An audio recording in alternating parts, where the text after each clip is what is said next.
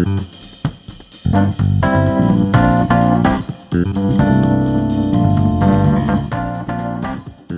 tuh pengen banget bisa bikin startup biotech.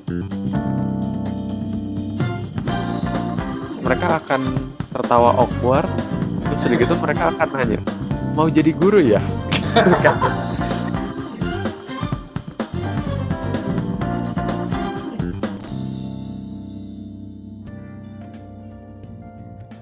Oke guys, balik lagi di channel OTKT.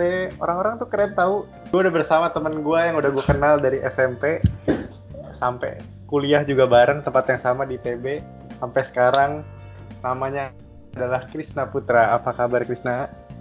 Eh, hai Phil, baik-baik gue. Tau gak sih, lu adalah orang yang paling rapi dan sistematis yang pernah gue temukan. Dan menurut gue ini adalah strong point lu. Oh iya? Terus gue juga kayak ngeliat karir lu tuh cukup cemerlang lah dibanding yang lain dan unik gitu bidangnya dan gue merasa gue harus belajar banyak dan mungkin teman-teman yang dengerin ini si Krisna ini punya bidang bioteknologi ya nggak sih? Lu sekarang S2 di UCL ambil biochemical engineering. Ya, gue ngambil biochemical engineering. Gue dapat beasiswa dari LPDP, Kementerian Keuangan. I see. S1 lu adalah ITB biologi, bener ya? Terus, Terus lu kerja, coba ceritain lu mungkin. sebenarnya sebelum gue masuk di kerjaan yang sekarang, gue sempat kerja di tempat lain. Nah itu di perusahaan food essence. Nah tapi abis itu gue pindah dan gue balik menekuni bidang yang gue tekuni waktu skripsi. Jadi yang waktu skripsi itu gue main sama sel kanker. Topik Sel skripsi gue. kanker? Mm-mm, Dia gitu. apa? Hmm, jadi intinya gue bikin biomaterial yang berhubungan sama tulang dan di apa di incorporate sama beberapa senyawa anti kanker. Jadi kita ngetes sel kanker itu tumbuhnya gimana di situ. Nah, di situ gue menemukan kesenangan untuk bereksperimen sama sel-sel hewan. Well, secara biologi manusia itu hewan ya gitu. Habis itu gue terjun di bidang vaksin. Vaksinnya vaksin hewan juga. Dan untuk meneliti vaksin dan produksi vaksin itu, gue pakai sel hewan juga gitu. Sorry, sorry. Jadi, ini kalau gue mau mencoba merumuskan, lu tertarik di sel hewan. Gue langsung di sel hewan, tapi kan eh, jadi sebagai info kalau sel hewan itu sebenarnya pemanfaatannya macam-macam pil. Misalnya Oh, oke. lu pakai dia buat eh, pengobatan gitu, atau lu mau pakai dia buat misalnya mengekspresikan suatu protein yang lu mau, atau bisa dipakai buat produksi vaksin. Berarti dia istilahnya dibajak untuk memproduksi virus yang kita mau. Itu bisa juga. Jadi gue waktu tertarik sama sel hewan pertama-pertama, gue nggak ada kecenderungan buat aplikasi apa menurut gue anything about animal cell is interesting. Nah, habis itu gue kebetulan dapat kerja di bagian research and development di vaksin. Ya udah, jadi gue menekuni itu. Berapa Selama- lama lu kerja sebelum Gua- S2 ini? Itu 2016, berarti udah tiga tahun gitu. Tiga tahun di 2019 sebelum gue kuliah. Yang lu lakukan pada saat itu apa? Di yang vaksin ini? Jadi kalau misalnya vaksin pada umumnya sebenarnya ini tergantung vaksin apa. Cuman kalau vaksin yang vaksin virus ya bukan vaksin penyakit bakteria, misalnya vaksin flu burung gitu. Nah, itu masih dibuat pakai telur, pakai embrio di dalam telur. Nah, makin ke sini kita mesti cari sistem produksi yang lain. Yaitu salah satu alternatifnya adalah dengan sel hewan.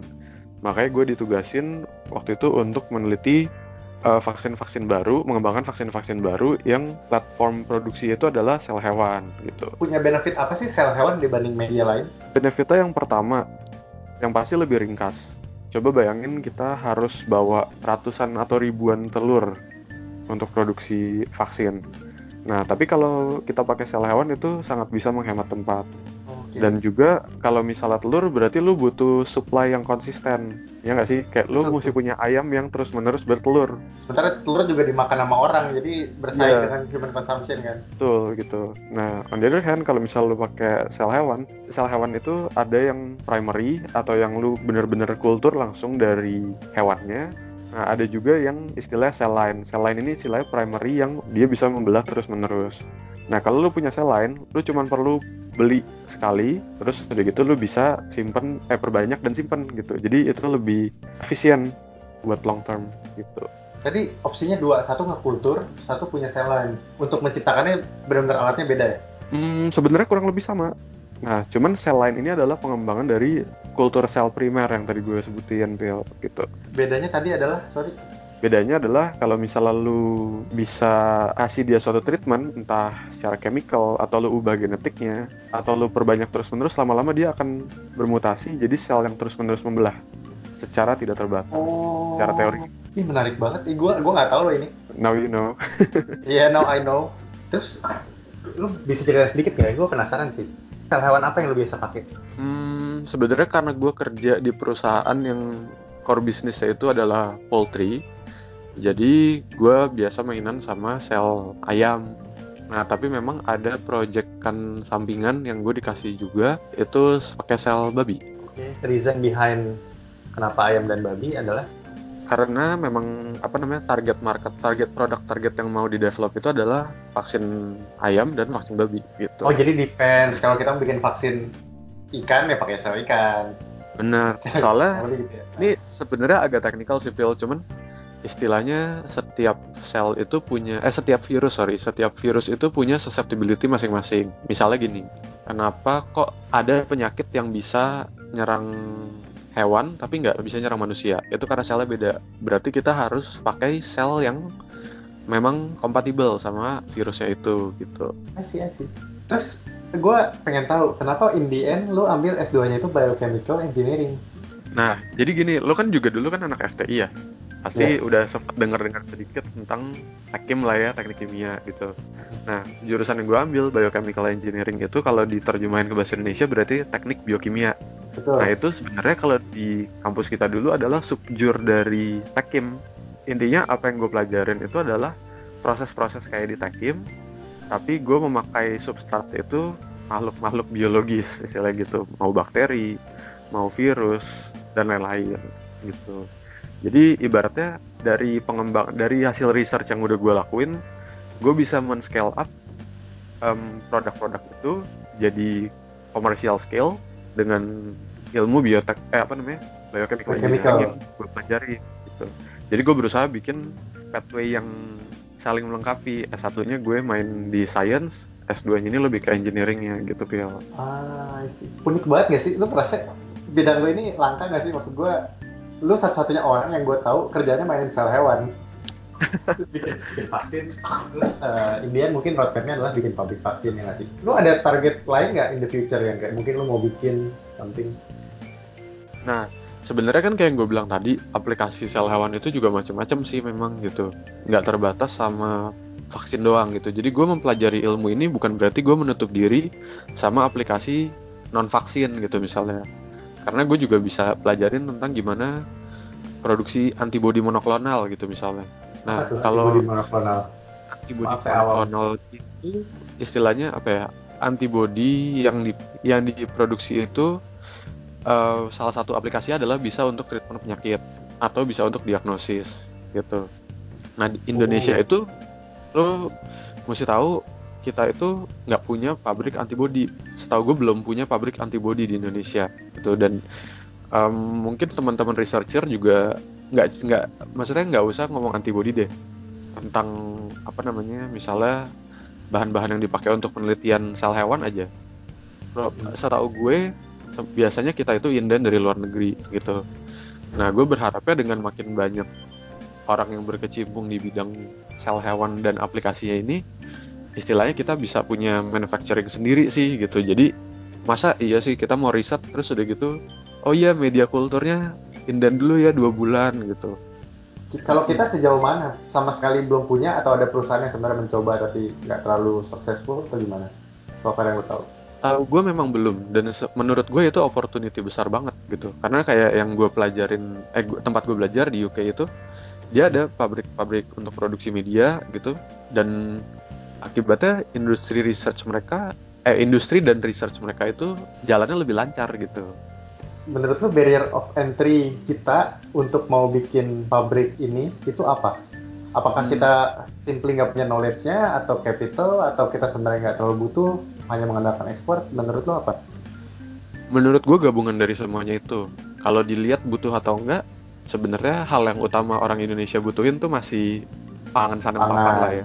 Nah, ya. Istilahnya kalau misalnya kita mau ke terapeutik atau pengobatan yang lebih modern kayak gitu, mungkin sebenarnya banyak lah orang yang misalnya sakit kanker gitu, yang pengobatannya pakai antibody yang bikinnya pakai sel hewan. Tapi orang-orang masih pada concern, lebih concern untuk gimana mem- memenuhi kebutuhan dasar mereka dulu gitu kan. Jadi mungkin kalau dari kebutuhan sebenarnya butuh, cuman belum terlalu dilihat. Nah kalau dari resource sendiri, memang yang menggeluti bidang ini nggak sebanyak itu.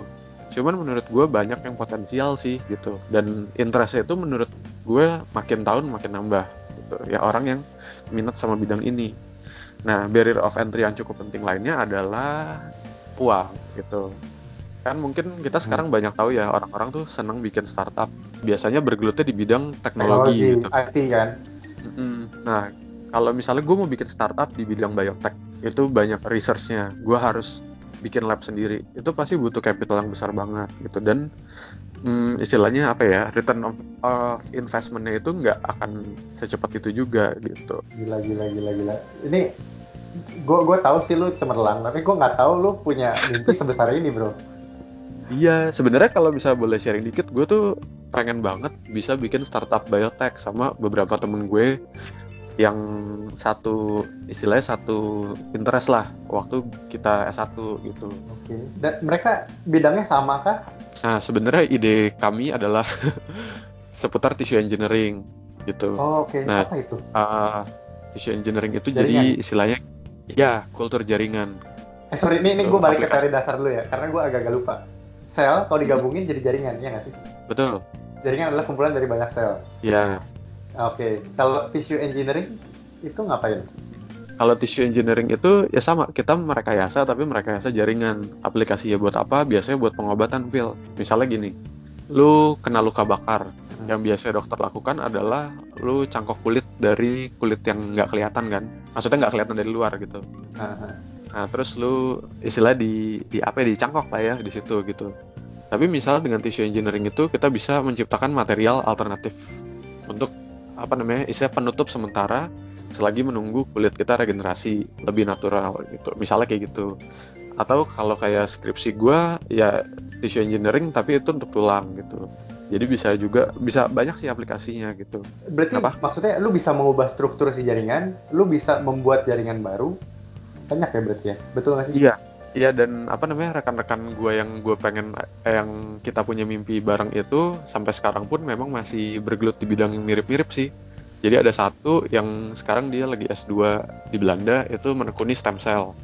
Ada satu yang lagi S2 di Amrik dia juga men- menekuni medical biotech. Jadi so far kita bertiga masih on the track sih. Ancer-ancer lah mungkin lu tahu progres mereka masing-masing. Realistically, kapan lu bisa mulai ini? Dan barriernya apa mungkin yang kayak susah banget tackle-nya? Jujur barriernya ya kita kan juga mesti settle buat diri kita masing-masing ya. Kita Ah. juga bukan maksudnya juga bukan yang super rich gimana jadi kita mesti bisa settle dulu gitu Nah, sih kayak mungkin menemukan pendapatan tetap dulu untuk sesuap nasi Iya. dulu bulanan. Hmm, dan bisa yang istilahnya ya selagi kita berusaha settle down kita cari pengalaman juga gitu Ya. gimana sih berkecimpung di industri gimana dilihat dari sisi em, mungkin legalitasnya atau gimana iklim investasi dan lain-lainnya di Indonesia gitu itu kan penting juga menurut gua sih realisasi bisa 7 sampai 10 tahun itu udah bagus kalau menurut gua Anyway, gue penasaran gimana cara lu bisa tertarik sama bidang ini. Hmm, sebenarnya apa ya gabungan dari nasib dan dan hobi kali ya. Jadi gue gini, kenapa hobi maksudnya? Gue dari dulu dari kecil itu memang tertarik sama ilmu-ilmu alam. Lu bukannya nggak suka fisika? Gue nggak suka fisika tapi gue suka biologi. Ya jadi Oke, spesifiknya gue tertarik sama biologi. Misalnya waktu kecil kayak em, gue senang melihara ikan gitu atau Oh. coba-coba cabai gitu itu sebenarnya menurut gue apa ya suatu curiosity yang udah dari kecil ada dan kalau misalnya kita nanti punya anak dan ada minat yang spesifik gitu ya menurut gua tanggung jawab orang tua juga sih untuk ngarahin gitu. Ya benar. Nah kebetulan memang seperti orang tua orang tua pada umumnya dulu orang tua gue berharap gue jadi dokter. Nah terus gue kayak suatu pagi berpikir bangun itu kelas 2 atau kelas 3 gue bangun gue berpikir kayaknya gue harus punya plan B deh. Gue nggak bisa bergelut eh maksud gue nggak bisa cuman punya satu jalan hidup doang gitu gue mesti punya alternatif tapi gue Hmm. suka bidang ini jadi gue mencoba cari yang berhubungan gitu loh nah jadi gue um, memutuskan untuk coba-coba daftar biologi di ITB gitu nah eventually gue dapetnya ITB dibandingkan kedokteran itu langkah awal waktu eh menuju ke gue yang sekarang ini Bill gitu Lu pada waktu itu nyesel nggak? Lumayan gue harus kedokteran. Kenapa gue dapetnya biologi? Hmm, sebenarnya jujur ya, gue juga agak minder sih. Apa namanya Ah, waktu awal kayak gitu loh, kayak TB men. lo masuk ITB, lo teknik apa gitu kan pasti ditanya. Oh enggak, Ah. gue biologi. Terus respon gue orang, gue ngerti maksud lu. lo lo inget gak sih tahun-tahun kita dulu tuh, yang waktu kita pertama masuk yang jurusan yang ngetren tuh kalau teknik kan yang nggak jauh-jauh dari tambang, minyak, elektro gitu kan. Iya. Nah, ketika orang dibilang, oh ya gue biologi gitu, em, pasti reaksi yang umum adalah mereka akan tertawa awkward, terus udah gitu mereka akan nanya, mau jadi guru ya? Gitu kan. Nah, gue jujur gue sangat menghargai profesi guru, itu profesi yang sangat mulia. Betul, Dan sebenarnya masih ya dosen dan guru tuh sama lah ya satu rumpun. Nah, gue juga sebenarnya ada mimpi gue pengen jadi dosen is- apa, apa sih istilahnya kapita selekta ya. Kalau misalnya di kampus tuh yang suka ngasih pandangan dari sisi industri gitu, gue pengen banget gitu. Ah, Nah, cuman gue juga ngedumel sendiri kalau dibilang gitu dalam hati yang tadi itu. Ya, emang emangnya sebatas guru, sebatas dosen, gue juga mau kok jadi profesional industri gitu. Oke, mungkin belum sespesifik itu waktu gue masuk ya, waktu gue ngedumel ditanya itu. Tapi itulah yang menjadikan istilahnya apa ya? Gue harus nyari nih di biologi ini bisa sebenarnya jadi apa aja sih? ini yang bisa gue tarik berarti kesimpulannya lu tertarik sama benda-benda hidup. Iya bener, gue punya ketertarikan sama bekerja sama makhluk hidup. Dan maksudnya apa ya? Gue bukan yang mendiskreditkan bidang keilmuan Hmm. lain, karena menurut gue sekarang itu zamannya interdisiplin dan kolaborasi. Cuman gue Oh. pribadi lebih tertarik bekerja sama sesuatu makhluk yang hidup gitu, bukan cuman mencampur-campur ini dan itu, proses ini dan itu, tapi ya sama makhluk hidup gitu. Ini buat gue menarik sih. Eh, benda hidup tuh kadang nyusahin gitu. Karena lo harus benar-benar ngerti behavior dia dan eh, merespons accordingly. Kenapa lo tertarik sama benda hidup lo?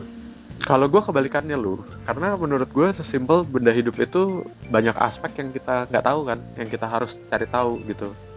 Dan kadang apa ya, nggak bosan gitu. Lo ada ada pengalaman masa kecil yang bisa relate sama kenapa lu suka benda hidup atau kenapa lu suka bidang ini? Ada something yang unik yang lu bisa ceritain nggak? Hmm, mungkin ada. Jadi gue seneng melihara hewan. Oh iya, ya. Nah, ngomong-ngomong melihara hewan tuh dulu karena orang tua gue kan kerja ya dua-duanya. Jadi kita nggak bisa punya binatang peliharaan dan eh binatang peliharaan yang kayak misalnya anjing, kucing gitu. Nah jadi binatang peliharaan gue adalah ikan waktu itu. Nah gue seneng dulu ngeliatin ikan gapi ya kayak oh lucu sih gitu kayak warna-warni berenang ke sana Gapi kemari. itu yang apa ya? Ikan badut? Nemo ya, Nemo? Bukan yang kecil gitu pil. Oke. Nah, dari sana tuh gua kayak apa ya? Pernah aja kejadian waktu itu gua lagi gua angkat si ikannya, terus gua kayak ngeliat-ngeliat tuh gua, gua pencet gitu loh. Jadi mati dia. Aduh. juga ya? Dan Iya, tapi itu- ketertarikan lu terhadap sel hewan karena lu bisa motong-motong selnya lu mutilasi ya?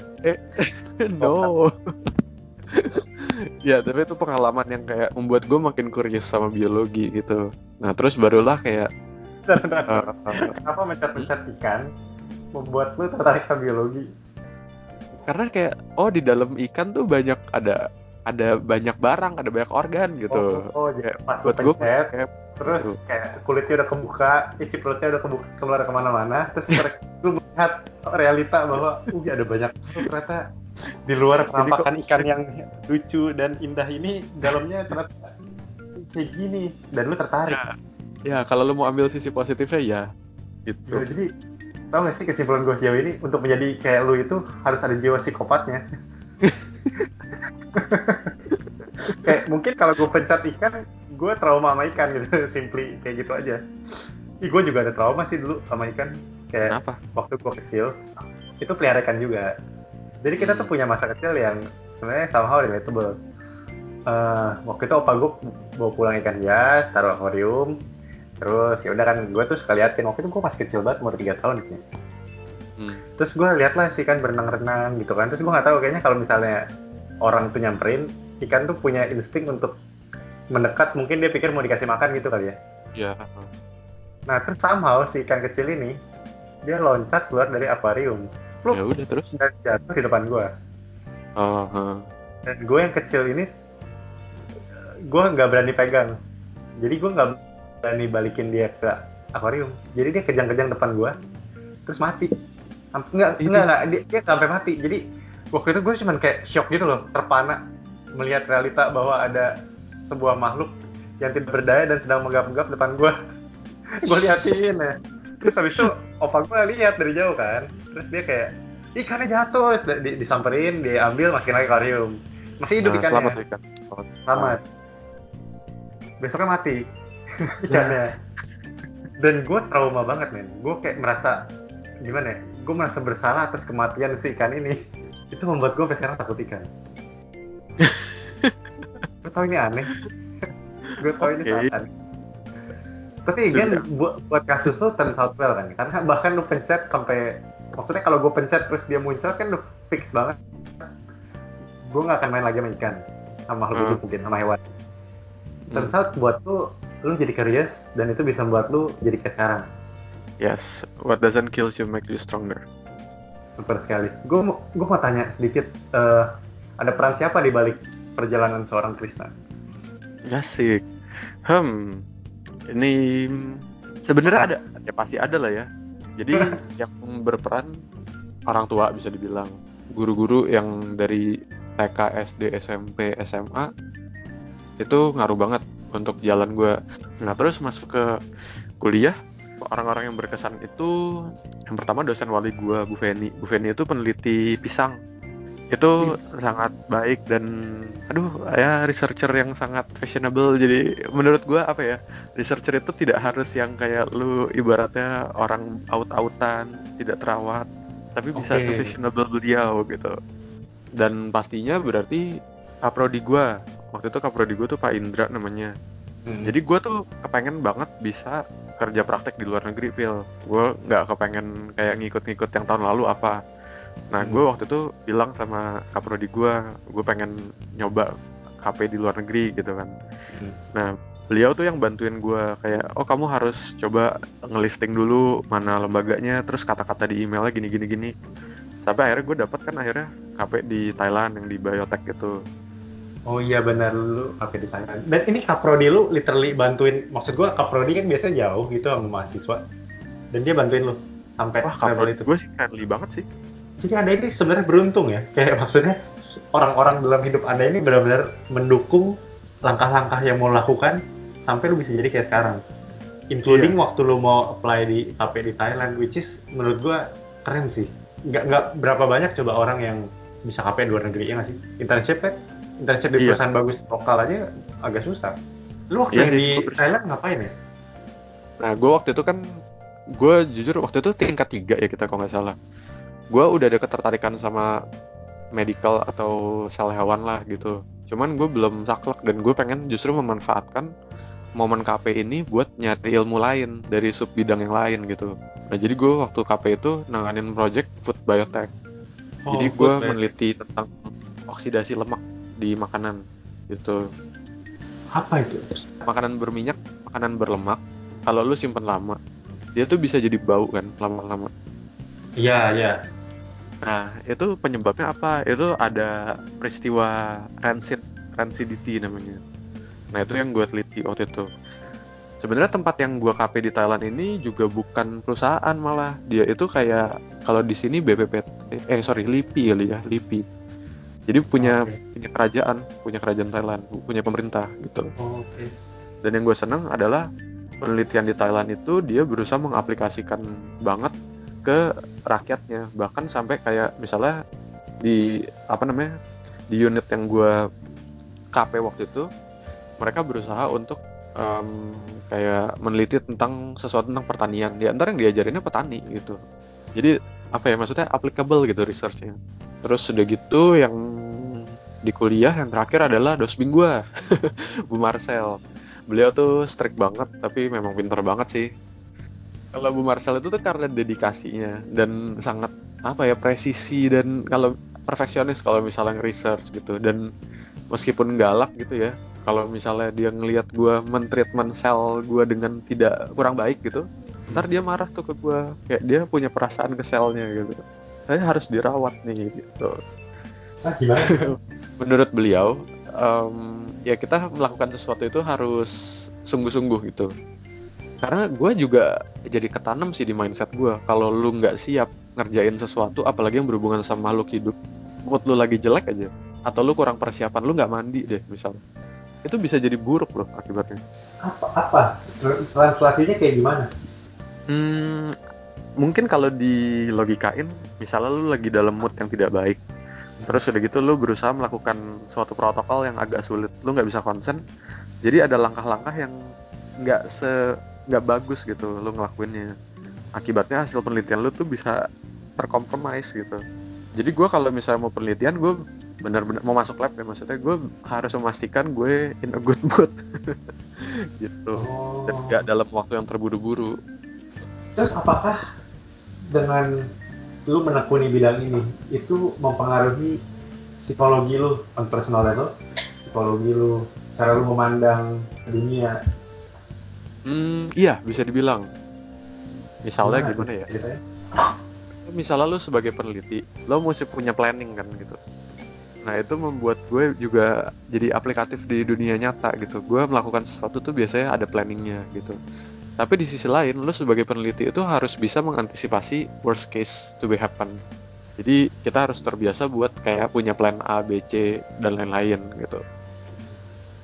Terus juga apa ya? Ya mungkin berkaitan sama yang tragedi ikan masa kecil itu ya. Kayak apa yang lo lihat luarnya seperti ini di dalamnya itu banyak hal-hal yang lebih kompleks yang lebih menarik buat dijelajahin juga yang juga menarik untuk dijelajahin atau dieksplor gitu jadi apa yang kelihatan dalam hidup sehari-hari itu mungkin juga nggak seperti itu aslinya tapi banyak hal-hal lain juga di, di balik itu gitu.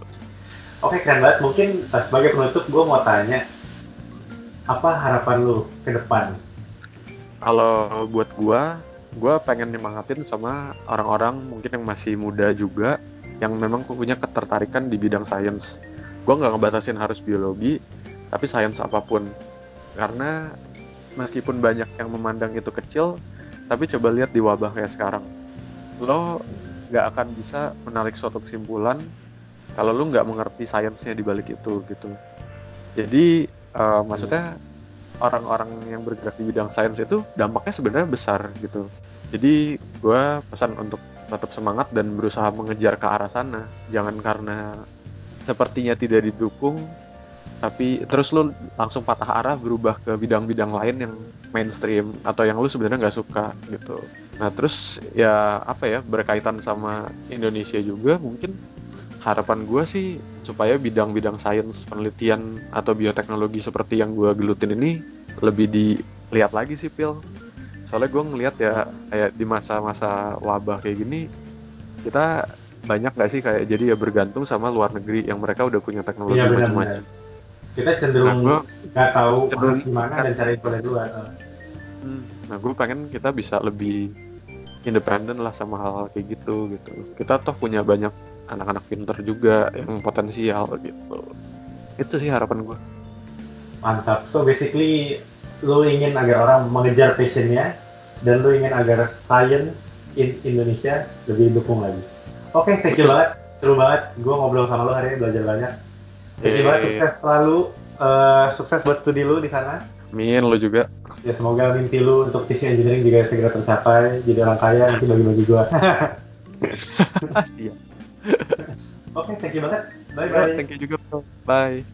Oke, okay, okay, guys, tadi gue udah ngobrol sama Krisna dan basically yang gue pelajari adalah follow your passion. Kalau lu tahu lu punya ketertarikan di suatu bidang, terus kejar bidang itu dan Nah, gue yakin lu akan punya hal yang besar yang menunggu di kemudian hari. Itu aja dari gue. Stay tune terus di channel OTKT. Orang-orang udah keren tahu. Bye.